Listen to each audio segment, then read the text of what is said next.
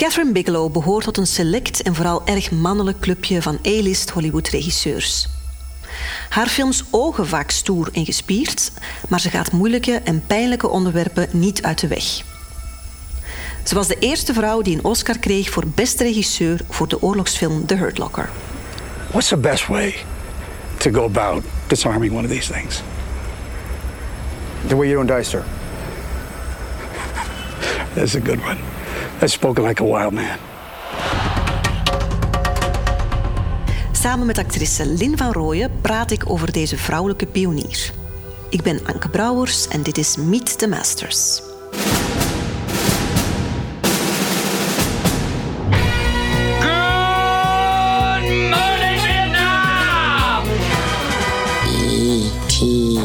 phone home. I have a feeling we're not in Kansas anymore. Houston, we have a problem. Van die inzorg mag je zeker zijn. Gekloot. Zet je altijd. Goedenavond, dames en heren. Uh, fijn om jullie hier te mogen begroeten op deze laatste Meet the Masters van het seizoen. We hebben het vanavond over Catherine Bigelow en over The Hurt Locker. Bigelow werd geboren in 1951 in Californië. Ze werd daar opgeleid in de kunsten en in de filmkritiek, alvorens ze haar eerste korte film maakte, waarin ze, en dat was toen nog op vrij experimentele wijze, een onderwerp aansneed dat een rode draad zou vormen in haar hele verdere carrière, namelijk geweld. In haar filmcarrière heeft ze zich bekwaamd in het maken van genrefilms met een twist, met een draai, met een klein element van verrassing, zoals de vampierwestern Near Dark, de misdaadfilm in een filosofisch surfersmilieu Point Break. Of het politiedrama in een dystopische science fiction setting Strange Days. De laatste jaren kiest ze resoluut voor door onderzoeksjournalistiek geïnspireerde films over oorlog, geweld en sociale onrust. Hoewel ze dus begon als eigenlijk een eerder onafhankelijk en indie filmmaker met films geworteld in de tegencultuur, films die soms subtiel de dominante mannelijke blik in cinema bevragen, werd haar werk vrij snel een onderdeel van of opgeslokt door, zo je wil, de mainstream filmcultuur van Hollywood, waar ze tot op de dag van vandaag een evenwicht zoekt tussen gespierde beelden en complexe ideeën. Alleen maar vermaak of verstrooiing is voor Bigelow niet voldoende. Door ons als kijkers te confronteren, ook met onaangename, soms intense of beperkte perspectieven en standpunten, wil ze ons in een ervaring en tot nadenken dwingen. En dat is wel heel wat anders dan we gewend zijn van de gebruikelijke mainstream filmcultuur. Haar thema's, dus, zoals oorlog, geweld, militarisme, masculiniteit, worden onderzocht via een beeldtaal die inzet op ja, bewegelijke of kinetische onrust, veel close-ups, handheld camera's en immersief geluidsontwerp en schilderachtige, en dat is niet toevallig, want ze heeft een achtergrond in de schilderkunst composities. Haar niet altijd even sympathieke of aantrekkelijke hoofdpersonages zijn niet zelden obsessief, radicaal. Het zijn vaak mannen, maar ook wel enkele vrouwen, die onverschrokken, soms egocentrisch en roekeloos, maar tegelijkertijd ook gedreven, idealistisch en moedig zijn. Het evenwicht tussen deze eigenschappen wordt kritisch onderzocht. En Bigelow onderzoekt, maar geeft niet altijd alle antwoorden. Ze is de enige vrouw die tot het voornamelijk witte en mannelijke clubje van Hollywood celebrity cineasten behoort. Een positie die niet noodzakelijk alleen maar voordelen oplevert, want dat plaatst haar onder een vergrootglas. Zo wordt zowel haar vrouwelijke look als haar vrouwelijke blik, dus zowel hoe ze er zelf uitziet als hoe ze zelf kijkt of filmt, dat wordt druk becommentarieerd en besproken in journalistieke en academische teksten. Ze won in 2010 als eerste vrouw ooit de Oscar voor beste regie voor The Hurt Rocker. Maar ondertussen heeft ze al wel gezelschap gekregen van Chloe Zhao en Jane Campion. Dus dat is niet lang alleen op haar naam gebleven. We praten vanavond over The Hurt Locker met Lin van Rooyen, deze veelgevraagde actrice en schrijfster, was de master van het Filmfestival van Oostende in 2019 en is dus geen onbekende in deze mooiste stad aan zee. Ze was te zien in de beste fictie van de afgelopen jaren, zowel van eigen bodem als internationaal. Zo zagen we haar in Beau Séjour, De Luizenmoeder, Onder vuur. Recent ook in Arcadia en nu nog in de zalen Het Geheugenspel. Lin is dus ook, zoals ik zei, schrijfster van het Kleinoot Klein Geluksje. Hartelijk welkom, Lien. Dankjewel. Goedenavond. Wat een intro zeg. Amai. Um, ja, Lien, um, mijn eerste vraag is altijd waarom heb je voor deze titel, voor deze film gekozen? Hoe ben je hierbij gekomen? Ja, die, die, um, tijdens mijn masterschap hier in Oostende was het thema Leading Ladies. En dan ben ik eigenlijk vanuit de leading ladies vertrokken en, en ben ik van daaruit films beginnen kijken. Dat kon zijn een cameravrouw, een regisseuse, een, een geweldige actrice. Het kon uit welke hoek van de waaier dan ook komen. En ik ging dan die films bekijken. En ik was zo onder de indruk van The Hurt Locker. Hoe, hoe dat die film gemaakt is, welke subtiliteiten dat daarin zitten, welke beelden dat daarin zitten, hoe dat je je in zo'n mannenwereld begeeft, maar op zo'n ja, emotionele manier je toch verbindt met die hoofdpersonages. Ik vond het zo cool dat dat dan gemaakt is door een vrouw. En dat dat dan nog een keer de eerste vrouw was die als regisseur een Oscar wint in het jaar dat ze tegenover haar ex genomineerd was voor die Oscars. Dus zij stond tegenover James Cameron, die voor Avatar genomineerd was, en zij voor The Hurt Locker. En zij heeft hem binnen, binnengehaald. Denk ik, amai. Dat was een dubbele overwinning. Maar ik denk dat wel. Ik denk dat wel. ik denk wel dat hij heel, heel nobel en, en warm en liefdevol gereageerd heeft, maar dat moet toch gepikt hebben. Ja. Misschien wel, maar blijkbaar komen ze inderdaad wel goed, goed uh, overeen ja, altijd. Ja, ja, ja, hij inderdaad ook. Hij kon inderdaad misschien wel zeggen dat Avatar toen de best, uh, de, de most grossing film was aller tijden. Dat heel veel geld opgebracht. Dus ze kregen alle twee wel eh, een pluim. Zeker. Denk je dat die film um, zo ook op je pad was gekomen? Want het is een oorlogsfilm. Het is een, een vrij grauwe, bij momenten groezelige, harde film. Is dat mm -hmm. iets dat je, dat je zelf ook... Uh, wel eens opzoekt, interessant vindt? Of was het echt vanuit die, die zoektocht naar ik wil die vrouwelijke regisseurs, ook die vrouwelijke visie? Nee, dat is echt vanuit, vanuit, de, vanuit dat thema Leading Ladies toegekomen. Dat ik eh, naar de vrouwelijke regisseuses ben gaan zoeken en van daaruit die films gekeken heb. Want in alle eerlijkheid, als er bij ons thuis een oorlogsfilm op staat, dan heb ik die waarschijnlijk niet gekozen. Dan, dan heeft eh, mijn lief of mijn zoon de film voor die avond gekozen. Ik ga meestal naar iets anders, zo wat psychologischer drama en zo wat meer die mm trend. Ja. Maar, maar dit is, ja.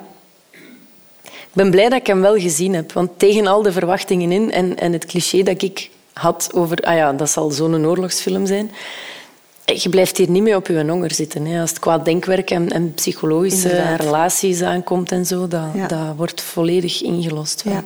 Want misschien kan je toch even kort zeggen wat voor... We noemen het nu gemakshalve oorlogsfilm, maar wat voor een film is het eigenlijk? Waar draait het om, volgens jou? Hè? Je, je komt bij drie hoofdpersonages terecht in Irak en zij zijn eigenlijk aan het aftellen. Dat vind ik ook heel heftig, dat dat iedere keer op beeld komt. Dat ze nog zoveel dagen op die missie, nog zoveel dagen op die missie. Je dat, dat er al een zwaarte aan hangt, dat die al een parcours gelopen hebben. En dan valt je in op nog 60 dagen of zo. En vandaar volgt je hen mee. Zij zijn het team dat wordt opgeroepen als er uh, uh, bommen of, of, mogelijke ontploffingen of er moet iets ontmijnd worden, dan worden zij geroepen en moeten zij ter plaatse gaan de situatie inschatten en dan handelen. Ja. Dus wat dat betreft misschien ook wel atypisch. Het, is geen, zijn geen slagvelden die je ziet, nee, geen battle nee, maar nee, het is, het is geen uitgezoomde... Mm. Allee, het is geen uitgezoomd oorlogsverhaal dat je krijgt. Hè. Je zit in tegendeel, je zit mega ingezoomd op één segment, op één compagnie, drie mensen die je heel de tijd volgt. En, en wie dat er passeert, ja, die gaat je ook wel zien. Maar het is niet dat je het grotere plaatje meekrijgt of zo. Nee. En zij ook niet. Ja. Dat is ook schoon. Zij weten dat ook niet. En je voelt dat. Die zijn zo gefocust op waarom zijn wij hier, wat zijn wij aan het doen, wat wil ik doen als ik terug thuis kom of wat wil ik niet doen en hoe lang is dat nog. En, en al de rest bestaat eigenlijk niet heel die kwestie in Irak, dat, daar, daar wordt ook niks over gezegd, maar die zijn daar ook niet mee bezig. Die komen alleen ter plaatse als er iets moet ontmijnd worden. En daar zijn die keigoed in en hyperfocus daarop. Hello. Where is it? it? It's behind the wall. Uh, you see any wires? Any smoke? No, I didn't look. Alright, so how do you know it's a bomb? The car has been parked illegally. The suspension is sagging. There's definitely something heavy in the trunk. Right, so why don't you walk over there and, and peek inside and tell me what you see? You want me to go close to it? Yeah, no, I خرب don't. no, I'm عرضك. kidding, I'm kidding. Say, يلا اتحرك بسرعة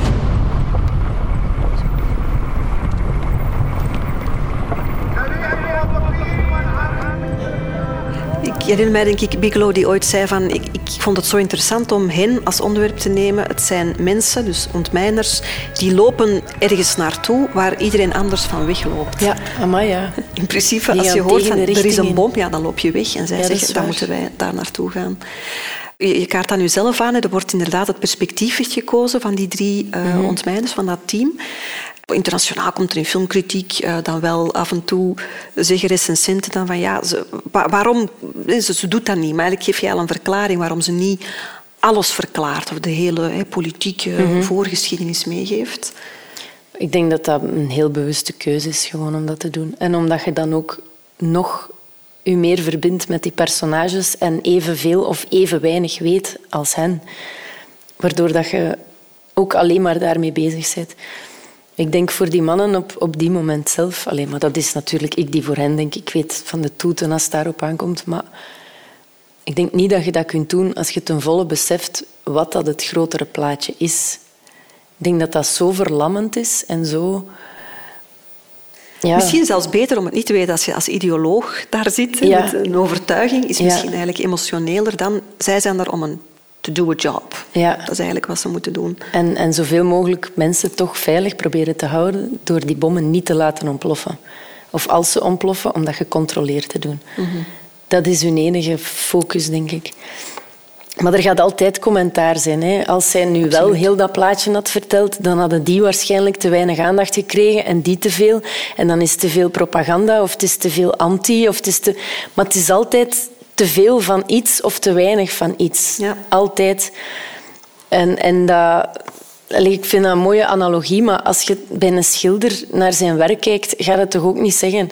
Pak nu dat hij een heel schoonste leven van drie citroenen geschilderd heeft, gaat het toch ook niet zeggen. En waarom die een appel niet? En waarom niet die een boom van waar dat je citroen komt?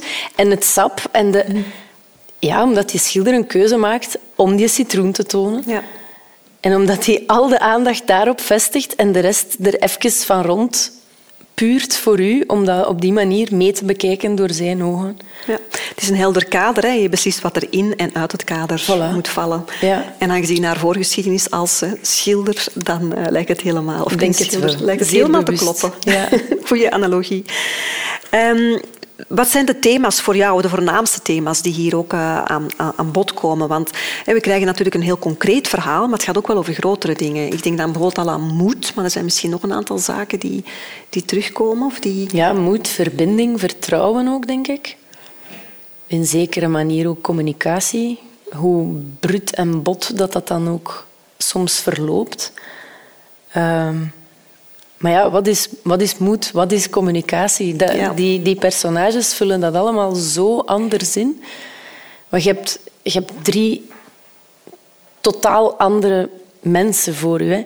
Je hebt ene die eerder roekeloos is en die, die de, uw team leidt en die ervoor gaat en die zijn eigen leven ook op het spel zet. En dan heb je ene die super pragmatisch is, die orders uitvoert tot op de millimeter en, en wilt dat iets iedere keer via hetzelfde stramien verloopt en de regels zijn er om houvast te creëren. En, en dan heb je ene die, die zo ah, half ver- verdwaasd, half verweest, zo mega emotioneel Ja, betrokken is met heel dat gebeuren. En, dat, en je, je bent met alle drie, je snapt van alle drie wel waarom dat ze doen, hoe dat ze doen. En ze zijn alle drie supermoedig op hun manier, want ze zitten daar nog. En ze doen ook wat dat ze moeten doen. Klopt, ik denk dat inderdaad heroïek op die manier, op alle mogelijke manieren van een held te zijn, want op zich, hè, verhalen over helden, Mhm. soms moeilijk. En zeker in een oorlogscontext hè, is dat iets dat we misschien eh, moeilijk een, een, een zuiver verhaal over kunnen vertellen. Maar ze geeft eigenlijk al die verschillende... Ja, Ja. ook weer een waaier, hè, inderdaad, een spectrum dat ze gaat eh, Maar ik denk dat moedig tonen. zijn, dat dat, dat dat bijna is van op het moment dat het ertoe doet, het juiste doen. Ook al is dat gevaarlijk, ook al kan het zijn dat je daar iets mee kapot doet, maar dat je het juiste doet. Wat dat het juiste dan ook is. Ja. Want soms is het juiste ook iemand neerschieten, zodat de andere drie veilig zijn. Maar op die moment die keuze maken en daarvoor gaan en daar dan mee verder leven ook, ik denk dat dat moedig zijn is. Ja, ik denk zeker dat dat wordt verteld in de film. Dus het wordt, Ja, ehm, ehm, en, en door verschillende scènes illustreren altijd andere manieren inderdaad Ja. van eh, de, de meer rationele manier van moedig zijn. hè. De, de orders volgen Ja. kan ook leiden tot de juiste beslissingen. Of soms het net niet doen leidt ook soms tot eh, de juiste beslissing. Mark Bowl, dat is de, de scenarist van de film, heeft het zo gezegd. Hij zei, moed is niet de afwezigheid van angst, maar het feit dat je nog steeds een gevoel voor humor hebt wanneer je eigenlijk met angst wordt geconfronteerd. Dus dat, je, dat is zijn idee van als angst. Angst Mooi. is er sowieso, Ja. maar dat je daar eigenlijk... Nog een ehm, mopje kunt maken eigenlijk. En ik denk misschien dat het hoofdpersonage, dat personage vertolkt door Jeremy Renner, dat daar Ja. het dichtst bij in de buurt komt. Zeker lichtheid hè, die hij kan hebben in Ja. levensgevaarlijke situaties. Ja, dat is waar. Die... ehm Allee, dat is geen spoiler, maar je, gaat de film nog wel zien. Maar er is een, een bepaalde scène waarin dat hem zegt... eh, pff, dat pak uit die helm af. eh, daar zit zoveel bang in. Als deze ontploft, zijn we er toch allemaal aan. Kan het maar zo wel comfortabel doen dan. Ja. Dan denk ik, Zeer alright. ja. Oké, fair enough. Ja. Dat is wel een schone Ja. illustratie dan van er toch nog de humor van inzien of zo, op een of andere manier. Ja. What's he doing? I don't know. What are you doing? There's enough bang in there to send us all to Jesus. I'm gonna die. I wanna die comfortable. Ain't my kit and my cans, yeah? What's going on down there, Eldridge? I'm getting his kit in his cans. Cover me, please. En de manier waarop hij eigenlijk met zijn eh, de, te ontwapenen eh bommend praat. Hij praat er Ja. bijna tegen als tegen Ja, ja, ja, ja, ja. Of dat hem zo fier is. Alleen niet fier, fier is het woord niet, maar dat hem zo bepaalde ehm, detonators die hem aan iets doen, doen herinneren, dat hij respect kan opbrengen voor diegene die die bom geïnstalleerd heeft en die een detonator gebruikt heeft, dat hem zei, dat was vernuftig. Dat heeft hem goed gedaan. En die, Ja. Dat ik denk, allee, hoe absurd. Je wordt er bijna aan door dat. Inderdaad. Maar je kunt dan wel zien, dat is souvenirs. Ja, het zijn Ja. souvenirs en daar heeft inderdaad, er hangt een verhaal aan vast. Ik wou het ook even hebben met jou over de, de, het spel, met, over de acteurs. Ja. Eigenlijk op dat moment is er vrij onbekend gecast. En Nu denk ik wel dat de meeste mensen, niet alleen Jeremy Renner, maar ook Anthony Mackie, zijn twee Marvel-helden geworden. Dus ja. Is dat? Ja. Oeps, Dus dat is ik weet echt niks van namen. Ehm, maar ze, haar keuze op dat moment was wel van ja, ik wil, ik wil eigenlijk niet te bekende gezichten hebben, Ja. omdat dat anders ja, te veel ook al hè, die ervaring of, of Ja, verwachtingen ja, gaat sturen. Ja, ja. Maar hoe brengen ze het er voor jou vanaf? Want ehm, het, zijn, het zijn geen evidente vertolkingen. Absoluut niet. Ja, dat hoofdpersonage vind ik echt magnifiek hoe dat hij dat gespeeld heeft. Will, die, die is zo ehm, roekeloos, zo kop vooruit. Ik ga, ik doe, maar tegelijk zo minutieus precies in wat hij zegt, wat hij niet zegt. Hoe dat hij een slag incasseert en dan kiest om daar niet op te reageren. Hoe, dat hij zijn sigaret opsteekt nadat hij een bom ontmijnd heeft. Hoe dat hij voor zijn, voor zijn teamgenoten zorgt op het moment dat hij eigenlijk het zelf ook lastig heeft. Allee, dat is dan zo personage slash acteur, maar ik vind dat zo schoon gebracht. En je zei... Ik zeg het, ja, die zijn drie totaal verschillende, maar je bent daar wel emotioneel mee verbonden of zo. Je vindt dat ook erg als daar iets mee gebeurt, of je vindt dat spannend, of je denkt, oh nee, nee, nee, nee, nee, nee, nee niet doen, niet doen. Je, ja, dat is, dat, is, dat is straf. En dat is niet alleen regie, dat is ook echt door hoe dat zij dat spelen. Ja.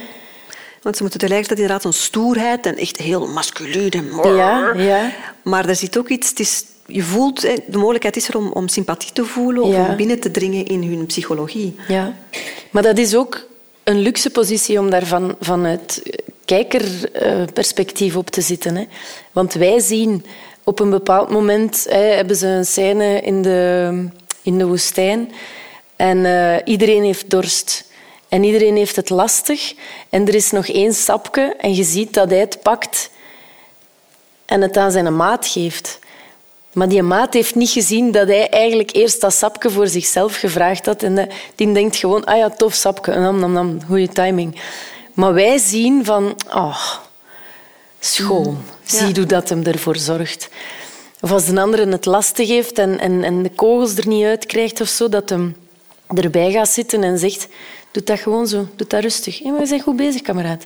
Dat hem zo... Allee, het is zo een roekeloze wilde cowboy, maar tegelijk ook heel zorgend voor zijn, voor zijn team. En, voor zijn, mhm. en waardoor dat je er... Ja, ja. Je bent mee. Het zijn mensen. Het zijn van vlees en bloed, met emoties. Ook al zouden denken van niet in die situatie. Maar... je zou denken dat ze afgestopt zijn of inderdaad te technisch misschien nadenken. Het is eigenlijk mooi. Alles wat je vertelt is een combinatie van het spel natuurlijk, maar ook van de regie. De keuze om dan ons te laten zien wat iemand anders niet ziet. En het schrijven. Het scenario, denk ik dat dat ook uh, zeer uh, goed geschreven is. Um, je spreekt al, eh, hoe je hem omschrijft, is een beetje een, een amateurpsycholoog. Op het juiste moment iets zeggen, een, een grapje maken, ja, hè, de situatie ontmijnen dan. Hè, maar, dan... Oh, maar daar is een heel schoon voorbeeld van. van de, als hem zo omdat ik zo zeg, van relaties en zo die psychologische dingen, ik vind dat super interessant. En dat dat daarin komt ook. Er is een, een, een scène ook in die woestijn en ze zijn aan het wachten. Ze zijn heel de tijd de wacht aan het houden, omdat ze juist een soort wachtkwartier... Eh, dat moeten maar zien. Um, ze zijn aan het wachten dus in die woestijn.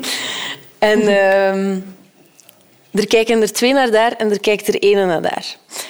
En die die naar daar kijkt heeft het vrij lastig. En die is eigenlijk mega onzeker en die heeft in, in het verleden een misstap gedaan en die voelt hem daar niet goed over. En die is eigenlijk zo, zijn, zijn zelfvertrouwen zit onder nul. En op dat moment, dus twee naar daar, één naar daar, die naar daar zegt, ik zie daar iets.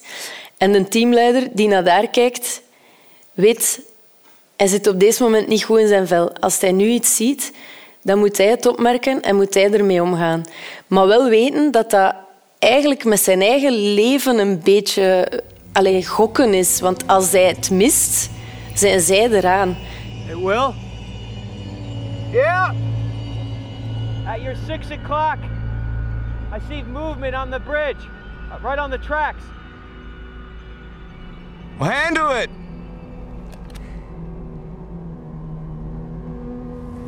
Should I fire? It's your call, buddy.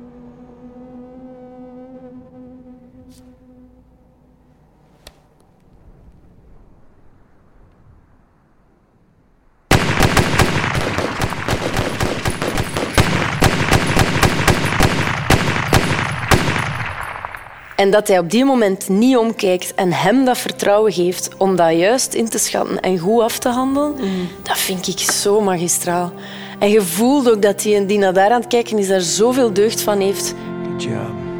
Dat hij dat goed gedaan heeft en, dat, en dat dat zelfvertrouwen terug een boost krijgt. En dat vind ik dan zo straf dat hij dat op die moment juist inschat.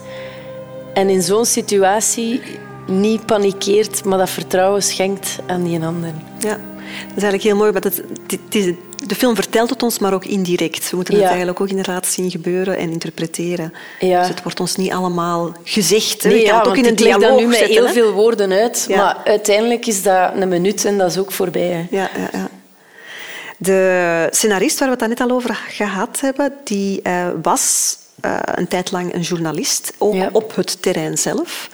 Dus die heeft meegelopen inderdaad met mensen in gelijkaardige omstandigheden. En is toen al beginnen blijkbaar e-mailen met Bigelow over het project. En zo is dat inderdaad een beetje zo beginnen groeien. Ja.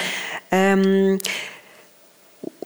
ja, de film is inderdaad ontzettend, of geeft alleszins een gevoel van authenticiteit en, en, en realisme. Hè? Mm Dus um, die meerwaarde toch van iemand die niet zomaar veel oorlogsfilms gezien heeft of boeken heeft gelezen, maar inderdaad ter plekke is geweest. Ja, ja, ja. Het is geen gerecupereerd materiaal. Hè. Nee. Het is zo rijk, het is zo ah, vuil en plakkerig ja. dat dat niet anders kan dan dat er iemand ter plaatse die verhalen gaan sprokkelen is. Zeg maar. ja. En ook de keuze van de plek waar men het gaan draaien is. Ze hebben niet in, het speelt zich af in Irak. Mhm. Ze zijn niet daar gaan draaien, maar ze zijn in Jordanië gaan draaien. Dat was Ah, ja. uiteraard Ja, ja, dat veiligheidsgewijs onmogelijk. Maar wel zo dicht mogelijk bij de grens. Dus ook een beetje dat doorzetten van de makers om te zeggen, we moeten toch... En er werd blijkbaar aangeboden om ook in Marokko te gaan draaien. Maar dan zei Bigelow, ja, maar dat lijkt hier niet. Nee. In de verste verte niet op de plek waar het zich afspeelt. Dus ehm, ook die details, die ook... Daarin toont ze zich misschien bijna een beetje als een Jeremy Renner. Van, ja, misschien wel een beetje gevaarlijker, maar Ja, ja. het zal een Maar betere die film. echtheid komt wel tot zijn recht in die film Ja. natuurlijk. Hè. De beeldtaal in het algemeen. ehm, dus deze film, ehm, zeker misschien omdat het eigenlijk het minste misschien ook ja, een spoiler is dan, maar de openingsscène is zeer, zeer indrukwekkend. Ja. Het is eigenlijk in medias res, hè, we worden ergens in gegooid Ja. en we krijgen echt alles te weten over de wereld waarin we zijn terechtgekomen. Ja, het is snel heel helder en heel duidelijk. Hè. Maar het, is, het gaat zo rap en het vertraagt dan ook. Op het moment dat, dat eh, de climax van die eerste scène plaatsvindt, vertraagt het. Verstilt het, denk ik ook, geluidsgewijs. En je zoomt in. Je, er, er is een ontploffing en je zoomt in op het roest dat van een auto springt. En kiezeltjes die van de grond gaan. En zo op heel kleine ja, effecten van die ontploffing en niet op die ontploffing zelf. Allee, je ziet die ook, maar, maar dat, het is zo... Ja, ja het, is, het, is, het is prachtig.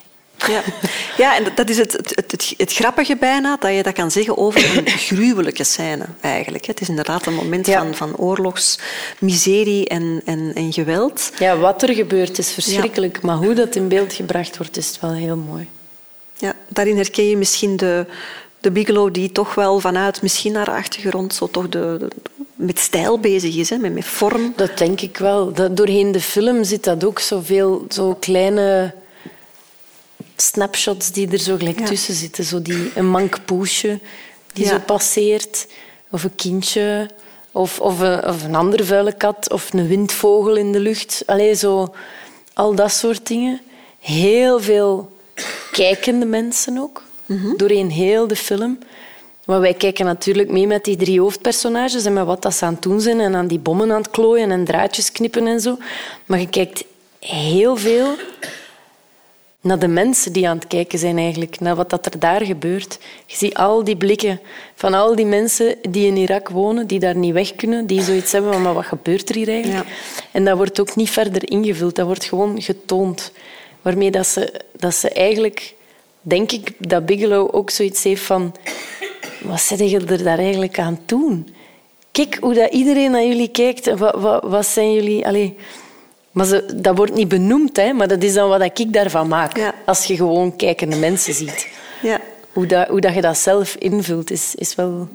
Nee, is een interessante interpretatie, omdat dat eigenlijk ook een beetje dan eh weerwerk biedt tegen dan de kritiek van hè, de rest. Het is Ja. weer alleen maar een focus van enkele Amerikanen in een plek, maar ze worden constant bekeken Ja, ja. als eh, drie gekken misschien dat daar ook rondlopen. Als. Soms als eh, intruders, hè, dus eigenlijk ze zijn niet welkom. Soms zijn ze wel welkom, soms Mhm. niet. Dus eigenlijk een, een, een stille manier of een subtiele manier om toch eigenlijk die, Ja, hoe de wereld ook kijkt naar de aanwezigheid, de militaire aanwezigheid. Hè, blijft. dat denk ik ook. Ja. Maar ja, zij maakt dat natuurlijk ook vanuit het centrum van Amerika. Hè. Zij zit in dat centrum hè, waar Ja. dat iedereen dat aan het doen is. En aan het... Dan vind ik dat wel straf van dat Ja. op die manier er zo bij te, bij te betrekken. Ja, zeker. En op het moment dat ze de film draait, is het conflict gaande. gaande. hè. Het is niet dat je... Als wij oorlogsfilms bekijken, we kijken meestal films over... Hè, de, De Eerste of een Tweede De Eerste en de Wereldoorlog. Tweede, ja. Ja, dingen ja, die zijn afgerond, hè, waar we eigenlijk eh, ook een veilig, veilig naar kunnen kijken. Het is een vertelling geworden eigenlijk. Hè.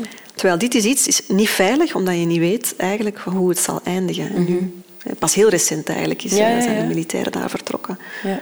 Dus Nee, ook op zich waar. weer een, op, vind ik voor Bigelow typerend, vind dat een moedige keuze. Ik vind dat dat past bij hoe zij als eh, cineast, als vrouw, hè, maar zeker in Hollywood, in, in zeker dat topclubje, Mhm. Ja. zeker in de independent sfeer, denk ik, is het makkelijker, maar dat is toch wel Maar en ook hoe dat ze Amerika dan... De, de ene keer dat Will terug in Amerika Mhm. is en thuis is, wat ziet je van hem? Hij is zijn dakgoot aan het uitkuisen, die volledig toegestropt zit met prut. Omdat hij er jaren niet geweest is. En je ziet hem voor een gigantische rayon staan met allemaal cornflakesdozen. De overdaad dat Amerika is. Dat zijn twee dingen die zij toont als Amerikaanse. Dat vind ik ook wel Ja, krachtige beelden om te gebruiken. inderdaad. Als dat de enige twee zijn dat je aanhaalt? Wow. Need some shopping. Yeah. Got some soda. We done? You want to go get us some cereal and I'll meet you at the checkout? Okay. Cereal. over consumptie en gewoon ja, eigenlijk comfort in vergelijking Ja. met de wereld die we Ja. daarnet daarvoor Ja. hebben gezien, is dat eh, een groot contrast. Ja. Misschien ook weer, inderdaad, lijkt me inderdaad wel een strategie te zijn, stilzwijgend. Hè. Er wordt niet, veel, niet veel blabla. Het Mhm. Nee, is geen, nee, nee, geen- nee. Ze legt heel veel bij de kijkers. Ja. Van zoek het maar uit, wat, dat, wat dat betekent. Ja. Is er zo een favoriete scène die je hebt, eh, of wat je, en waardoor je de film onthoudt? Heel vaak is het eh, niet het hele verhaal en plot dat je hindert van Ja. belangrijke films, maar zijn er zo, soms is het zelfs een beeld of een gevoel ehm, dat jou is bijgebleven. Maar er is een scène, maar als ik het vertel, ga ik misschien al te veel vertellen. Ah ja, Oké, dan gaan we dat niet doen. Eh, maar er is nog een coole scène. Dat ze zijn... ehm, Ja, nee, ik kan er niks over zeggen over die één, want anders ik Ja. was aan het denken, kan ik zo een beetje De rond praten. de rond, maar dat gaat niet, want ik moet iets benoemen en dan weet al te veel. Dus, maar er is een andere scène waarbij dat ze zo van op afstand eh, ontploffingen aan het, aan het laten doen zijn. En in één keer, dus je hebt de drie hoofdpersonages en de band is nog niet echt mega goed tussen alle drie.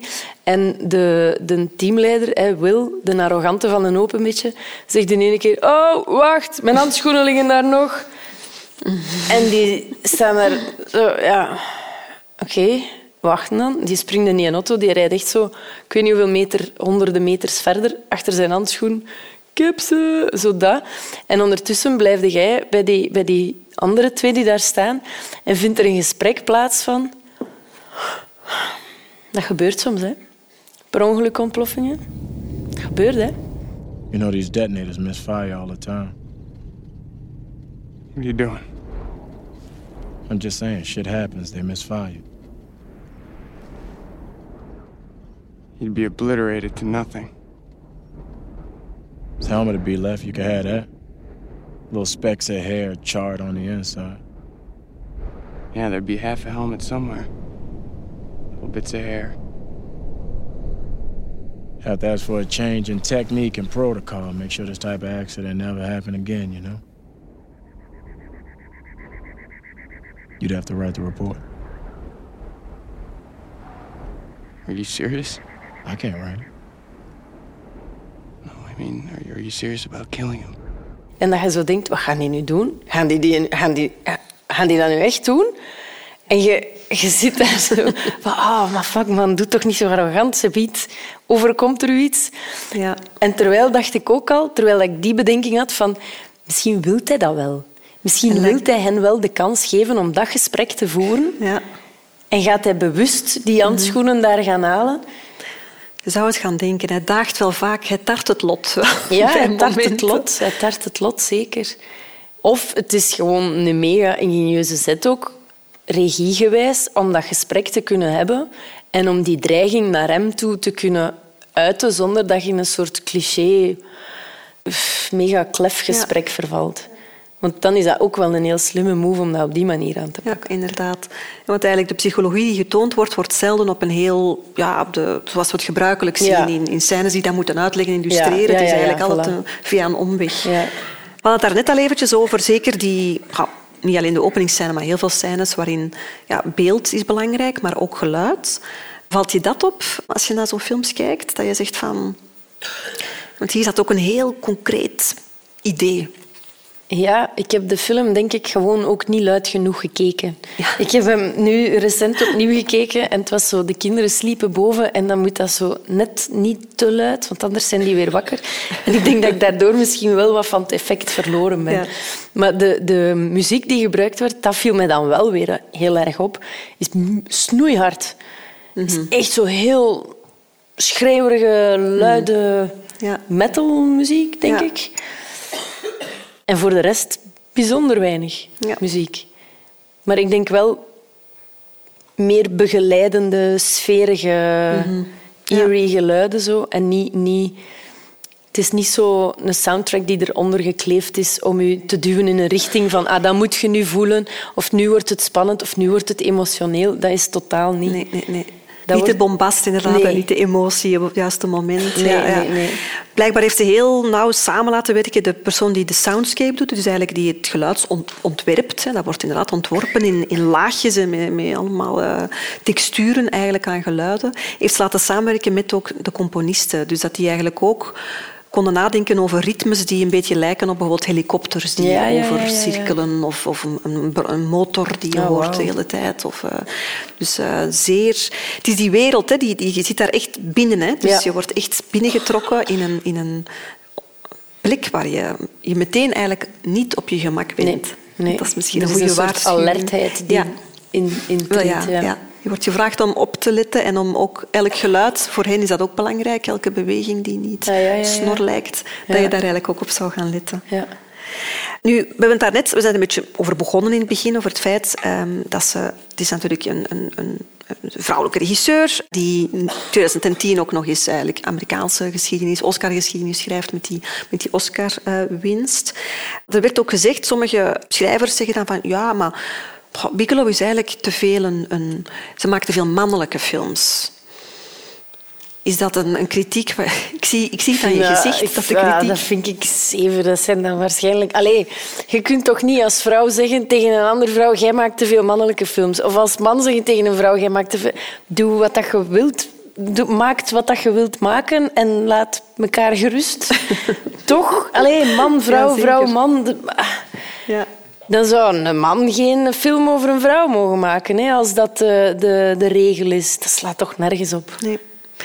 En dat is misschien net ook eigenlijk hè, dan ook tegen de geest van het feminisme of van emancipatie. Ah ja, vrijheid. maken. woehoe. Ja. Maar niet te vrij. Hè? En niet dat. Dat gaat toch niet? Inderdaad. Dat is gelijk in uw eigen arm snijden. Hè? Ja. Nee. Nee, nee, ik denk het ook niet. Ik denk ook gelukkig dat zij zich daar niet door laat, ehm, laat door uit het lood slaan. Ja, het is echt een hele... Een straffe madame. Een straffe, torenhoge leading lady. Ze is ook echt... eh, ze toren boven je uit. Ehm, hoe kijk jij nu naar het, eh, het, het, ik bedoel, het Hollywood van nu? Heb je het gevoel dat er sinds die, die winst dan in 2010... Is er iets veranderd? Er is iets veranderd, maar nog niet zo heel veel, denk ik. Nee, absoluut niet. Ik denk dat dat wel een vitesse hoger zou kunnen en mogen. Ja. Zouden Ja. nog eens een programma hier op het filmfestival? Ja, dat zou, nog eentje. Dat zou niet misstaan. maken. Het zijn de kleine dingetjes Maar natuurlijk. ja, het is dat. Is er nog iets van, van Bigelow dat je, ehm, dat je nog zou willen ontdekken? Of dat je zegt van ja, als je dit nu gezien hebt, ehm, dat jou nog aanspreekt om verder te ehm, Ja, de- kijken? Ik zou ze graag allemaal nog willen zien, maar ehm, die een Zero Dark Thirty, dat is Ja. wel de volgende, denk ik, Ja. die, ik wil, eh, die ik wil bekijken. Ook met een vrouwelijk hoofdpersonage. Ja. Zien hoe dat ze dat aanpakt, hoe dat ze daar... eh, Ja, ik ben gewoon benieuwd naar hoe dat zij haar eigen eh, input, hoe dat ze dat bewerkstelligt Ja. bij, bij die films, bij die scenario's, bij die acteurs, wat Ja. dat daar dan uitkomt. Ja, dat dat even doorspekt is, zo, alles. Ja. Inderdaad, en eigenlijk toch niet... Het onderwerp blijft nog steeds, hè, inderdaad, eigenlijk gaat over terrorismebestrijding, ook een zeer harde en, je zou kunnen zeggen, mannelijke film. Maar dan met een vrouwelijk hoofdpersonage, Jessica Chastain is dan Ja. de hoofdrol. Maar die niet speciaal vrouwelijk zich gedraagt. Hè. Daarmee gaat ze dan toch ook weer tegen de, de clichés of tegen de verwachtingen in. Dat goed. Doe maar. Voilà. Ik kan hem aanraden, dus dat zal Ah, top. Kijk, voor volgend merci. jaar. Eh, mag ik je hartelijk danken voor dit gesprek. Oh, met veel En plezier. het eh, publiek kan nu genieten van eh, deze wonderlijke film. Yes. Dankjewel, Veel Liva Roy. plezier.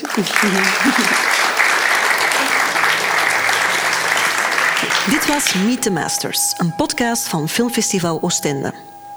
Die kwam tot stand met de steun van Stad Oostende, De Standaard en De Grote Post. Productie en montage Ronald Verhagen. Muziek en sounddesign Ben Venussoen. Dit was de laatste podcast in deze reeks.